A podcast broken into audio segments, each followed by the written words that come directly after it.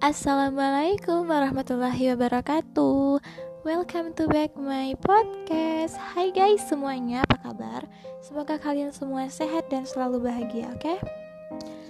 Um, kembali lagi bersama aku dengan Cici di podcast Istirahat Sejenak Oke okay guys, jadi kalau kemarin aku kemarin kan udah bahas tentang um, kisah pribadi Eh bukan kisah apa, cerita Cerita pribadi tentang hijrah ya. Oke, jadi kali ini aku mau membahas tentang apa aku nggak tahu. Kayaknya sih random ya, random cerita gitu. Jadi aku tuh apa ya? Kalian tahu dong dengan um, Kawirda Kawirda Mansur. Nah, di mana Kawirda itu termasuk anaknya seorang ustadz, terus juga dia juga seorang pengusaha, pengusaha sukses lagi ya pokoknya aku senang banget sama beliau. Kenapa? Karena apa ya banyak banget sih kata-kata motivasi yang udah aku dapetin dari dia gitu. Termasuklah aku semakin apa ya semakin apa ya pokoknya setiap hari itu harus bisa lah satu hari membaca tiga surah yang apa surah waqiah surah al-mulk dan surah yasin gitu. Karena aku yakin banget walaupun semua surat itu kita tahu ya semua surat yang ada di Al-Quran itu semuanya ada faedahnya masing-masing. Dan kenapa aku memilih tiga surah itu? Karena apa ya? Nggak tahu kenapa. Karena mungkin itu surahnya pendek-pendek enggak juga termasuk pendek karena banyak juga ya. Ada banyak lah pokoknya. Kalian bisa lihat di Al-Quran ya berapa ayatnya berapa jumlah ayat dari surah Al-Waqiah surah Yasin gitu ya sampai surah Al-Mulk. Kalau dari ketiga surah itu sih menurut aku yang lumayan pendek surah Al-Mulk ya. Oke terus aku pribadi dan keluarga juga pribadi udah ngalamin banget manfaat dari membaca itu rutin. Terus juga kalian mungkin tahu ya pasti dong tahu ya namanya sholawat naria terus sholawat munjiat. Nah sholawat munjiat ini aku baru tahu guys. Serius aku baru tahu kayaknya beberapa minggu lalu itu pun hasil dari aku nonton YouTube gitu. Jadi ternyata banyak banget kan bacaan-bacaan sholawat, baca-bacaan zikir yang sangat bermanfaat gitu dan bisa apa dan bisa kita gunain untuk mengisi waktu luang kita biar lebih bermanfaat gitu. Oke, jadi kayaknya tema podcast aku hari ini yaitu tentang amalan-amalan ya. Oke. Jadi, aku mau sharing ke kalian amalan-amalan apa aja yang biasa aku amalkan ya. Pertama, tiga surat tadi aku insya Allah aku selalu menjaga insya Allah ya tapi ada juga pada saat-saatnya aku suka absen. Jadi itu kalau misalkan pada saat lagi kumpul keluarga itu kan kayak apa ya aduh pokoknya gimana ya banyak keponakan kecil kan. Jadi terus ditambah lagi kayak suka tumburan waktunya kurang tepat. Tapi kan kita nggak bisa ngatur ya. Kalau misalkan saudara mau datang ya kapan aja kan bebas gitu kan. Anak mama papa gitu kan. Terus juga iya kan saudara aku bebas lah. Apa nggak harus hari tertentu gitu kan? Jadi ya terus jadi ya aku apa suka kumpulnya itu di hari-hari aku lagi kuliah gitu kan. Tapi insya Allah aku suka menggantikannya pada saat waktu luang kayak waktu apa keponakan aku udah tidur gitu. Terus ya aku udah mulai itu baca kan bisa baca di HP gitu. Nah jadi tiga surah tadi ya guys kalian bisa catat nih baca tiga surah yaitu surah Al-Mulk, surah Al-Waqiah dan surah Yasin. Kalau urutannya sendiri aku suka membiasakannya membacakannya dari surah Al-Waqiah terus surah Yasin dan surah Al-Mulk. Kenapa aku membaca terakhir surah Al-Mulk? Aku tuh ini apa biar ngeringkas gitu. Jadi kita kan harus dibiasakan sebelum tidur itu minimal membaca surah Al-Mulk. Jadi aku tuh suka membaca tiga surah itu di penghujung waktu mau tidur. Jadi pas banget dong ya kalau misalkan aku terakhir baca surah Al-Mulk gitu kan terus 30 menitnya tidur gitu. Nah terus aku juga membaca sholawat sholawat Jibril kalau kalian belum tahu itu aku kalau bacaan pendeknya kayak gini Allahumma sholli ala sayyidina Muhammad itu masih termasuk yang panjang ya. Jadi kalau yang pendeknya itu Allahumma sholli ala Muhammad. Sayyidinanya tuh nggak dimasukin gitu, tapi sama aja insya Allah artinya. Itu aku minimal baca satu hari itu sebanyak seribu kali. Itu udah aku targetin. Tapi kalau misalkan, misal nih, kalau misalkan aku suka diajak oleh saudara aku kan kadang-kadang kita nggak tahu Allahu alam kan suka diajak sama saudara aku ke Palembang temenin dia gitu kan. Itu biasanya kan waktunya itu kayak kayaknya apa ya agak berkurang gitu ya. Maksudnya karena kita harus mengawasi keponakan gitu kan. Jadi meminimal apa ya meminimalisirnya itu dengan cara kita nggak harus menargetkan sampai seribu gitu. Minimal lah kita baca lah ya satu atau sampai sepuluh ataupun hitungan jari lah ya. Terus um, selain sholawat Jibril aku juga di apa ya dapat ilmu juga nih dari mama gitu. Mama suka scrolling scrolling suka scroll scrolling di Google gitu. Dan alhamdulillahnya mama ketemu bacaan um, sholawat ini nggak bisa dimasukin sholawat ya bisa disebut dengan zikir ya. Hayu jadi bacaan itu hayu sebanyak 1511 kali atau 1512 aku juga lupa guys. Pokoknya yang jelas 1500 ya. Nah itu pokoknya satu hari. Terus aku juga suka kelang-kelingkan apa selang-selingkan. Ya ampun. Aku suka selang-selingkan kalau misalkan suka masih banyak waktu luang ya manfaatin lah ya. Baca sholawat naria ataupun sholawat menjiat gitu. Kalau aku lihat di YouTube sholawat menjiat itu kebanyakan orang-orang mengamalkannya sebanyak 100 kali dalam satu hari. Dan lumayan sholawat menjiat itu panjang ya. Lumayan panjang nih semuanya. Jadi untuk kalian bisa searching di YouTube ya sholawat menjiat insya Allah di semua bacaan-bacaan Arab itu semuanya ada manfaatnya. Kalian tetap istiqomah berikhtiar terus tetap istiqomah mengapa mengamalkannya itu. Pasti ada-ada aja manfaatnya yang kalian gak sadarin kayak aku contohnya. Selama aku kuliah alhamdulillah insya Allah selalu kayak dipermudah sama Allah gitu. Iya benar aku jujur. Jadi setiap tugas-tugas kuliah itu pasti aku selalu dipermudah sama Allah gitu. Dan lebih mantepnya lagi nih kayak apa ya misal aku udah selesai tugasnya aku bisa membantu teman-teman yang lain yang terkendala gitu. Kan jadi bermanfaat gitu kan. Alhamdulillahnya gitu. Jadi aku mikirnya gini ya Allah gitu kan. Ternyata masya Allah banget gitu. Belum apa belum selesai ini. Misalkan aku belum selesai baca tiga surah tapi udah kayak kerasa gitu ya. Udah kayak masya allah banget gitu.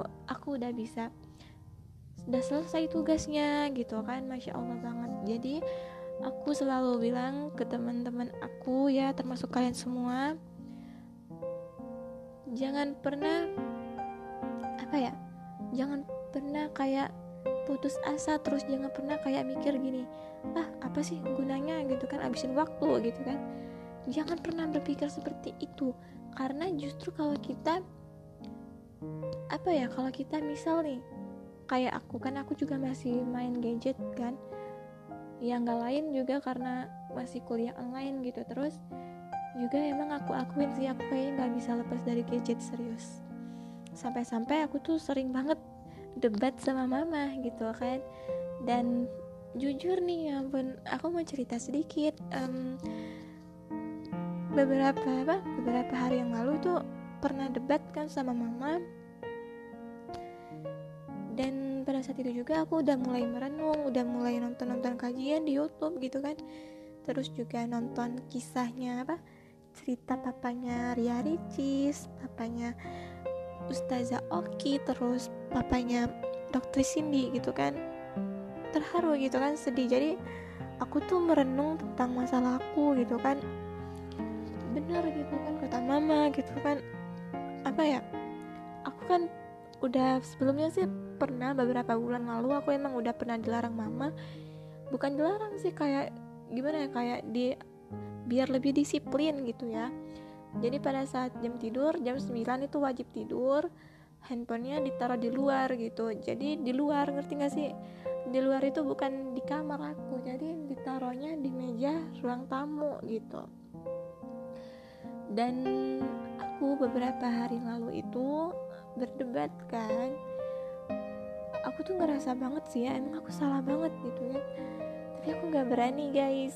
Nggak berani apa ya malu gitu ya malu untuk ungkapin kesalahan depan orang tua tuh malu gitu um, apa ya?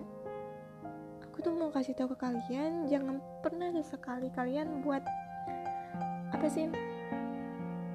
Buat kayak membantah orang tua ataupun kayak keras kepala lah ya. Aku tuh termasuk anak keras kepala jujur. Karena aku tuh termasuk anak yang gak bisa dilarang gitu ya ya ampun. Serius ya jadi kan debat adalah permasalahan terus akhirnya mama aku itu kan ya apa namanya didikan mama aku itu emang keras ya sama anak-anaknya. Tapi aku yakin dan ketiga apa dan kedua saudara aku juga tahu itu semua demi kebaikan kami gitu kan. Itu semua tanda sayangnya mama sama kami gitu. Tapi emang mungkin karena aku anak bungsu ya aku tuh nggak bisa dibentak ya kalau dibentak itu nggak tahu kenapa rasanya tuh kayak aneh gitu. Iya kayak aneh gitu. Beda loh perasaan kalau misalkan dari baik-baik aja terus tiba-tiba dibentak itu beda. Iya jadi kalau misalkan aku dibentak itu aku tuh kayak ngambek gitu kan. Aku lebih milih diem gitu jadi aku diemin gitu. Nah jadi kan aku waktu itu dinasihatin mama kan. Mama masuk kamar gitu kan terus bilang gini dek katanya mulai sekarang seperti dulu lagi ya. Ini pakai bahasa Indonesia ya karena mama aku kan pakai bahasa Palembang. Jadi pakai bahasa Indonesia aku translatein ya. Jadi kata mama dek mulai sekarang seperti dulu lagi ya handphone taruh di luar dan jam 9 tidur jadi aku ngebantah gitu kan. Jadi kata aku gini ih kata aku gitu kan ima gitu kan. Kenapa coba? gitu. Jadi kata mama iya kan iya kan udah selesai ya pak. Tugas kuliah udah selesai gitu kan. Kuliah juga udah selesai. Jadi buat apa lagi? Main HP terus gitu kan. Gak kasihan gitu sama badannya gitu kan butuh istirahat juga gitu. Nah berhubung kamar kita itu sebelahan. Sebelahan ke iya kanan kiri gitu. Nah jadi ya aku tuh masih ngebantah gitu kan. Ya aku tuh kayak kayak ini guys apa namanya? Kayak cemberut gitu kan. Jadi kata mama ya pokoknya kan nasihat lah ya namanya orang tua nasihat. Jadi kata mama dengerin kata mama kan. Omongan orang tua itu dengerin katanya. Itu juga demi kebaikan kamu gitu. Mama keluar dari kamar gitu. Dan pada saat itu aku belum sadar gitu. Aku belum sadar. Maksudnya masih dalam keadaan kesal kan. Kok tiba-tiba nggak ada hujan nggak ada angin kok mama tiba-tiba nyuruh aku lagi gitu untuk taruh HP lagi kayak dulu gitu kan. Ya emang sih bener semua kata mama aku. Aku tuh main HP terus gitu kan. Selain karena kegiatan kampus karena kegiatan belajar kan selang-seling kan ada aja kan waktu kosong itu suka main Facebook gitu kan Instagram gitu kan. Nah dan keesokannya baru deh aku scrolling scrolling ke YouTube gitu dan aku tonton tonton videonya. Pas banget itu lagi hujan malam-malam ya terus kata mama nasihatin kadek jangan main HP gitu kan. Hujan geledek kan pamali iya gitu. Aku bohong gitu ya karena aku nonton videonya Ricis dan pada saat itu aku nangis. Aku nangis melihat apa ya mendengar gitu kan apa ya betapa hormatnya betapa patuhnya gitu ketiga putrinya gitu kan Ricis dokter Cindy terus apa Ustazah Oki gitu kan begitu sangat menurutnya mereka gitu kan ketika mereka dimarahin oleh orang tuanya nurut gitu. Kalau aku aku suka ngebandingin gitu kan. Nah sejak saat itu aku kayak melakukan yang disuruh orang tua aku itu kayak lebih ikhlas. Jadi aku berusaha Bismillahirrahmanirrahim aku tahu ini tuh demi kebaikan aku gitu Gak ada orang tua yang mau menjerumuskan anak Gak ada. Mau semarah pun orang tua dengan kita Itu adalah bentuk kasih sayangnya gitu kan. Jadi alhamdulillah mulai sekarang guys Aku tanpa disuruh-suruh mama lagi Tanpa diingetin mama terus Taruh HP sebelum tidur Aku udah melakukannya duluan gitu Alhamdulillahnya gitu. Jadi aku tuh mau kasih tahu ke kalian jadilah anak yang berbakti sangat-sangat berbakti lah ya. Ya jangan tirulah aku. Jangan tiru kayak goisan aku sebagai anak ABK gak usah. Ya aku juga nyesel gitu kan. Tapi aku malu gitu apa ya? Tau lah ya kalau ngungkapin apa ya? Aku tuh pernah pada saat aku waktu SMA kemarin oh pada saat kami ada tugas apa ya tadi tour ya study tour ke Bandung waktu itu Bandung Jakarta ya. Nah sebelum aku hari H mau pergi itu malamnya aku ribet juga sama mama. Ada-ada aja gitu kan. Alam tadi kan ada-ada aja masalah gitu kan. Masalahnya apa? Jadi waktu itu um, masalahnya sama mama berdebat. Itu karena ya tadi karena aku ini anaknya keras kepala terus karena aku mungkin maunya mandiri ya maunya itu nggak mau ngerepotin padahal niat aku itu nggak mau ngerepotin mama. Jadi pada saat itu um, kan aku bawa koper kan jadi niatnya aku tuh mau bawa koper yang kecil yang sedang. Terus mama lihat kan ini apa biar mama aja gitu kata mama apa susun-susun barangnya gitu kan. Kalau bahasa gaulnya tuh packing kan. Biar mama aja gitu kata mama yang nyusun barang-barangnya. Ya aku ini apa namanya nggak sengaja nggak salah. Kayak apa ya kayak ngomel gitu guys. Jadi aku tuh kayak ngomel gini. Nggak apa nggak usah banyak-banyak gitu kan karena aku mikirnya gini guys. Aku takutnya nanti aku sendiri yang bawa koper gede gitu. Karena posisinya kita study tour itu cuma tujuh tujuh hari satu minggu. Itu pun juga yang nginep cuma satu malam atau dua malam yang nginep kemarin lupa. Terus nanti kan langsung balik dan lama perjalanan itu kan di kapal yang paling lama. Nah jadi aku bilangnya kayak gitu nggak salah. Terus ribut kan. Ya mungkin mama kesinggung kan. Iya gitu. Jadi itu sore mau menjelang malam. Jadi setelah selesai mama packing packing alhasil bener kan? Kopernya gede guys. Kopernya kopernya gede tapi nggak gede banget sih. Maksudnya kopernya gede tapi nggak terlalu banyak isinya gitu. Terus bawa tas juga kan? Tas apa tas dukungan gitu. Nggak lain sih isi isinya itu ada snack snack gitu kan? Terus juga kayak perlengkapan perlengkapan wanita lah ya terus juga baju-baju baju ganti gitu kan. Terus baju sekolah gitu sepatu gitu kan.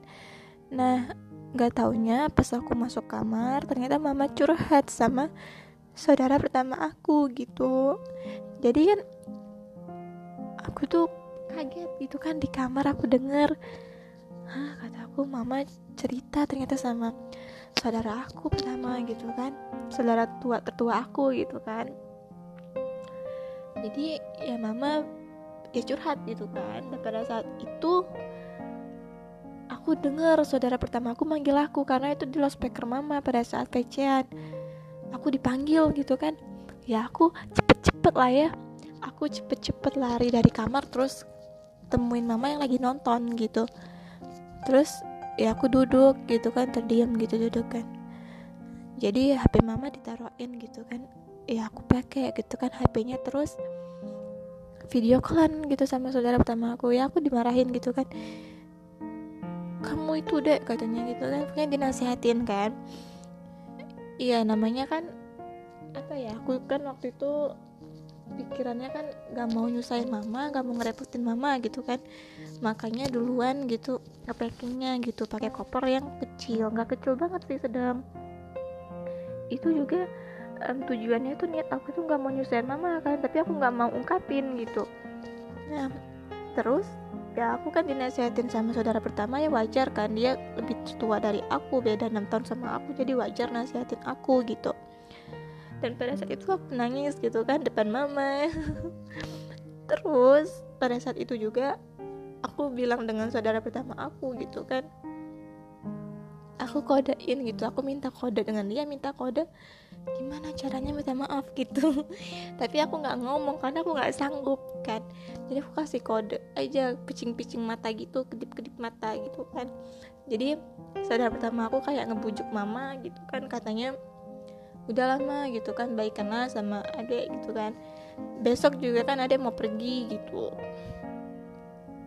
Jadi itu apa namanya? Karena aku nangis kan pada saat itu nggak tahan kan nggak bisa menahan air mata gitu kan. Jadi aku langsung nangis terus aku langsung peluk mama pada saat itu guys. Dan jujur itu apa ya suatu suatu kejadian yang nggak pernah bisa aku lupain. Buktinya sampai sekarang aku masih ingat kan. Berarti itu suatu kejadian yang nggak bisa aku lupain yang di mana itu kayaknya pertama kalinya aku ngebuat mama tuh kayak apa ya kayak sedih banget gitu kan.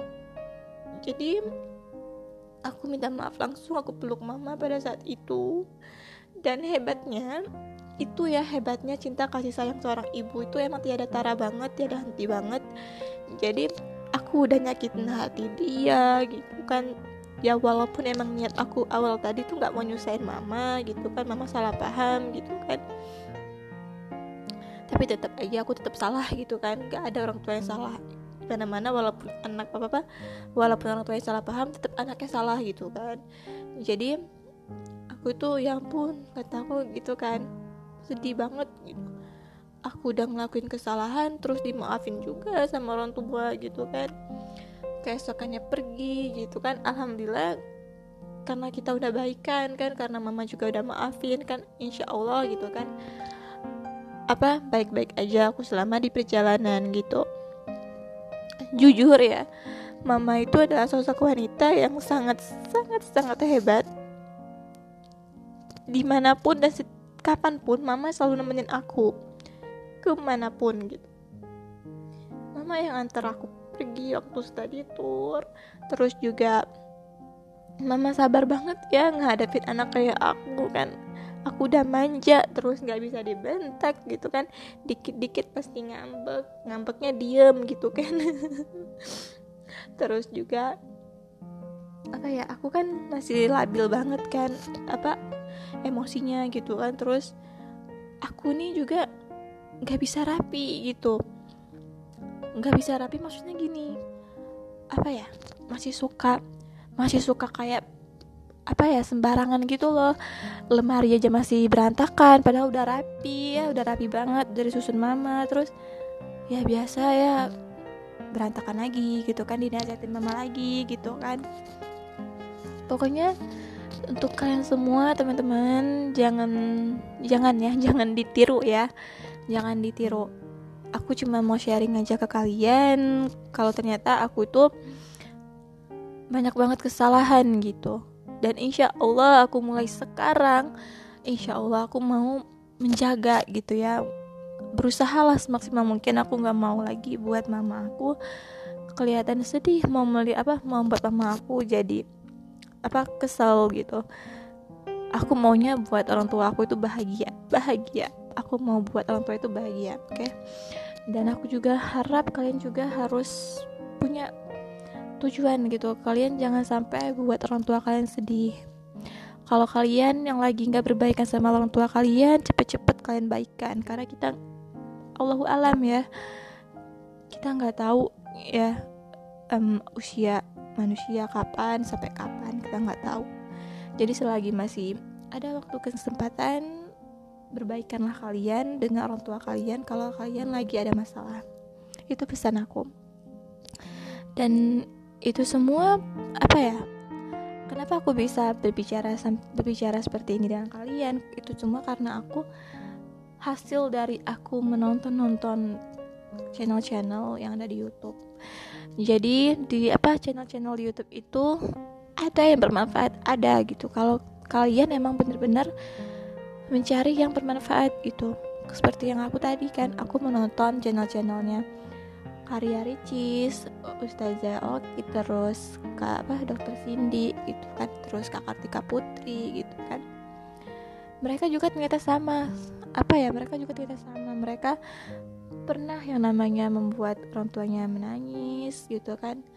Terus pernah mereka mem, apa debat sama orang tua pernah gitu kan tapi ya alhamdulillahnya mereka berbaikan lagi gitu seperti yang cerita Kak Kartika Putri yang kemarin malam aku nonton dia baru umur 25 tahun tuh baru sadar gitu. Ternyata selama ini orang tuanya mamanya yang ngelarang dia untuk keluar rumah apalagi keluar rumah sama kakaknya sendiri terus mau kumpul-kumpul sama teman terus itu kalau apa ya aku menonton itu dalam hati aku berkata seperti ini Kak Kartika Putri sama banget kayak aku gitu.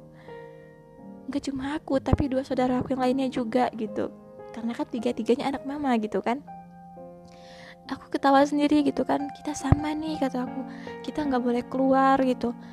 Aku aja berani ngajak teman-teman aku terus. Itu baru waktu SMA ini gitu. Berani ngajak teman-teman aku yang cewek-cewek gitu kan.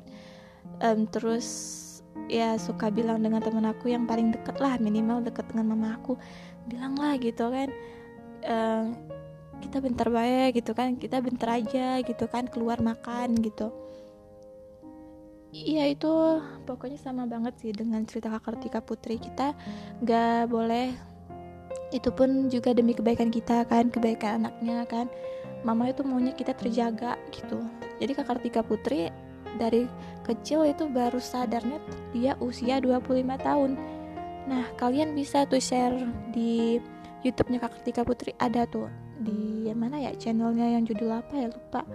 Pokoknya dia ada itu dia membahas oh ini ada yang apa ya ubah rumah mamahnya. Jadi yang bagian scan dia sama Habib itu apa ya mengganti foto. Ya mengganti bingkai foto. Jadi semua isi foto-foto lama kakak Tika Putri yang gak pakai hijab itu diganti sama yang udah pakai hijab gitu. Terus di pertengahannya itu nanti kalian temuin deh ada kakak Tika Putri bercerita mengenai orang tuanya melarang dia gitu kan. Karena dia satu-satunya anak wanita.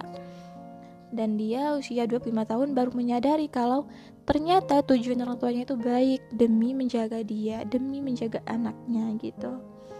Itu sama persis sama seperti aku gitu. Dan boleh ditanya ya yang bisa datang ke sini waktu itu yang temen cowok temen cowok ya. Temen cowok yang ternyata dia itu juga anaknya teman mama aku gitu itu paling cuma satu kali satu kali dalam seumur hidup aku yang ada cowok teman cowok masuk ke rumah. Karena selama ini itu tertutup ya tertutup rapat. Jadi mama itu emang ngelarang buat anak-anaknya ajak temen cowoknya gitu. Mau teman kelasnya mau siapa itu ya. Pokoknya dilarang mama. Kenapa? Karena mama gak mau gitu ya kan mama tuh mau menjaga gitu kan. Karena emang kita juga dilarang sama mama untuk pacaran kita nggak boleh eh, mama pacaran. Dan ternyata ya aku ya gitu ya aku bandel ya. Aku waktu SMP pernah pacaran gitu kan. Tapi alhamdulillah insya Allah aku tuh pacarannya kayak main-main. Jadi pacaran waktu itu itu zaman SMS gitu zaman HP Blackberry ya. Itu pun siapa ya maksudnya si misal nih maksudnya si mantan aku itu ngajak temuan karena pada saat zaman SMP itu kan banyak teman-teman aku yang pacaran dan mereka itu suka temuan ketemuan ketemuan gitu. Karena berhubung di tempat tinggalnya aku itu ada taman gitu kan aku nggak pernah aku nggak pernah terima tawaran dia untuk temuan apaan coba. Itu serius jadi mungkin banyak kan mantan aku tuh kayak makan hati ya. Teleponan nggak pernah pernah teleponan tapi diam aku diam dia ngomong apa terserah iya pokoknya gitu. Teleponnya juga diam-diam depan mama diam-diam jadi kalau misalkan ada waktu apa ya keluar ke warung sama saudara suka temenin saudara aku ke warung beli apa kesempatan tuh balas SMS gitu kan. Tiba-tiba SMS-nya udah 5, udah 5, udah 6, udah 7 gitu kan.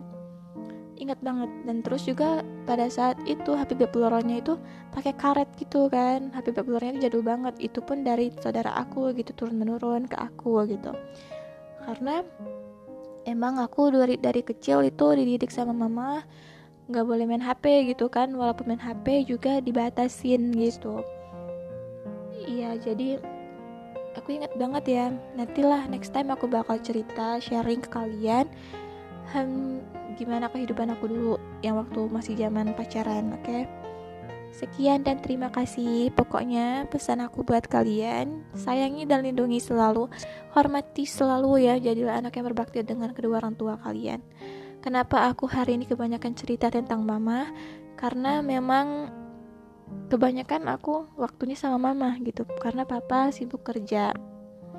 Oke, udah sekian. Pokoknya kalian harus jadi anak yang berbakti ya. Aku mau sharing itu, sharing ini tuh karena mau memotivasi kalian aja yang mungkin di luar sana kalian yang mendengar ini juga mungkin ada yang sama kayak aku kan ceritanya. Aku tuh anaknya bandel gitu kan, terus aku ini anaknya juga manja banget, terus anaknya nggak bisa rapi, padahal cewek gitu kan. Insya Allah pokoknya kita semua bisa jadi anak yang berbakti ya Bismillahirrahmanirrahim gitu ya dan juga tetap semangat hijrahnya oke okay, istiqomah. Oke okay, sekian terima kasih. Wassalamualaikum warahmatullahi wabarakatuh. Dadah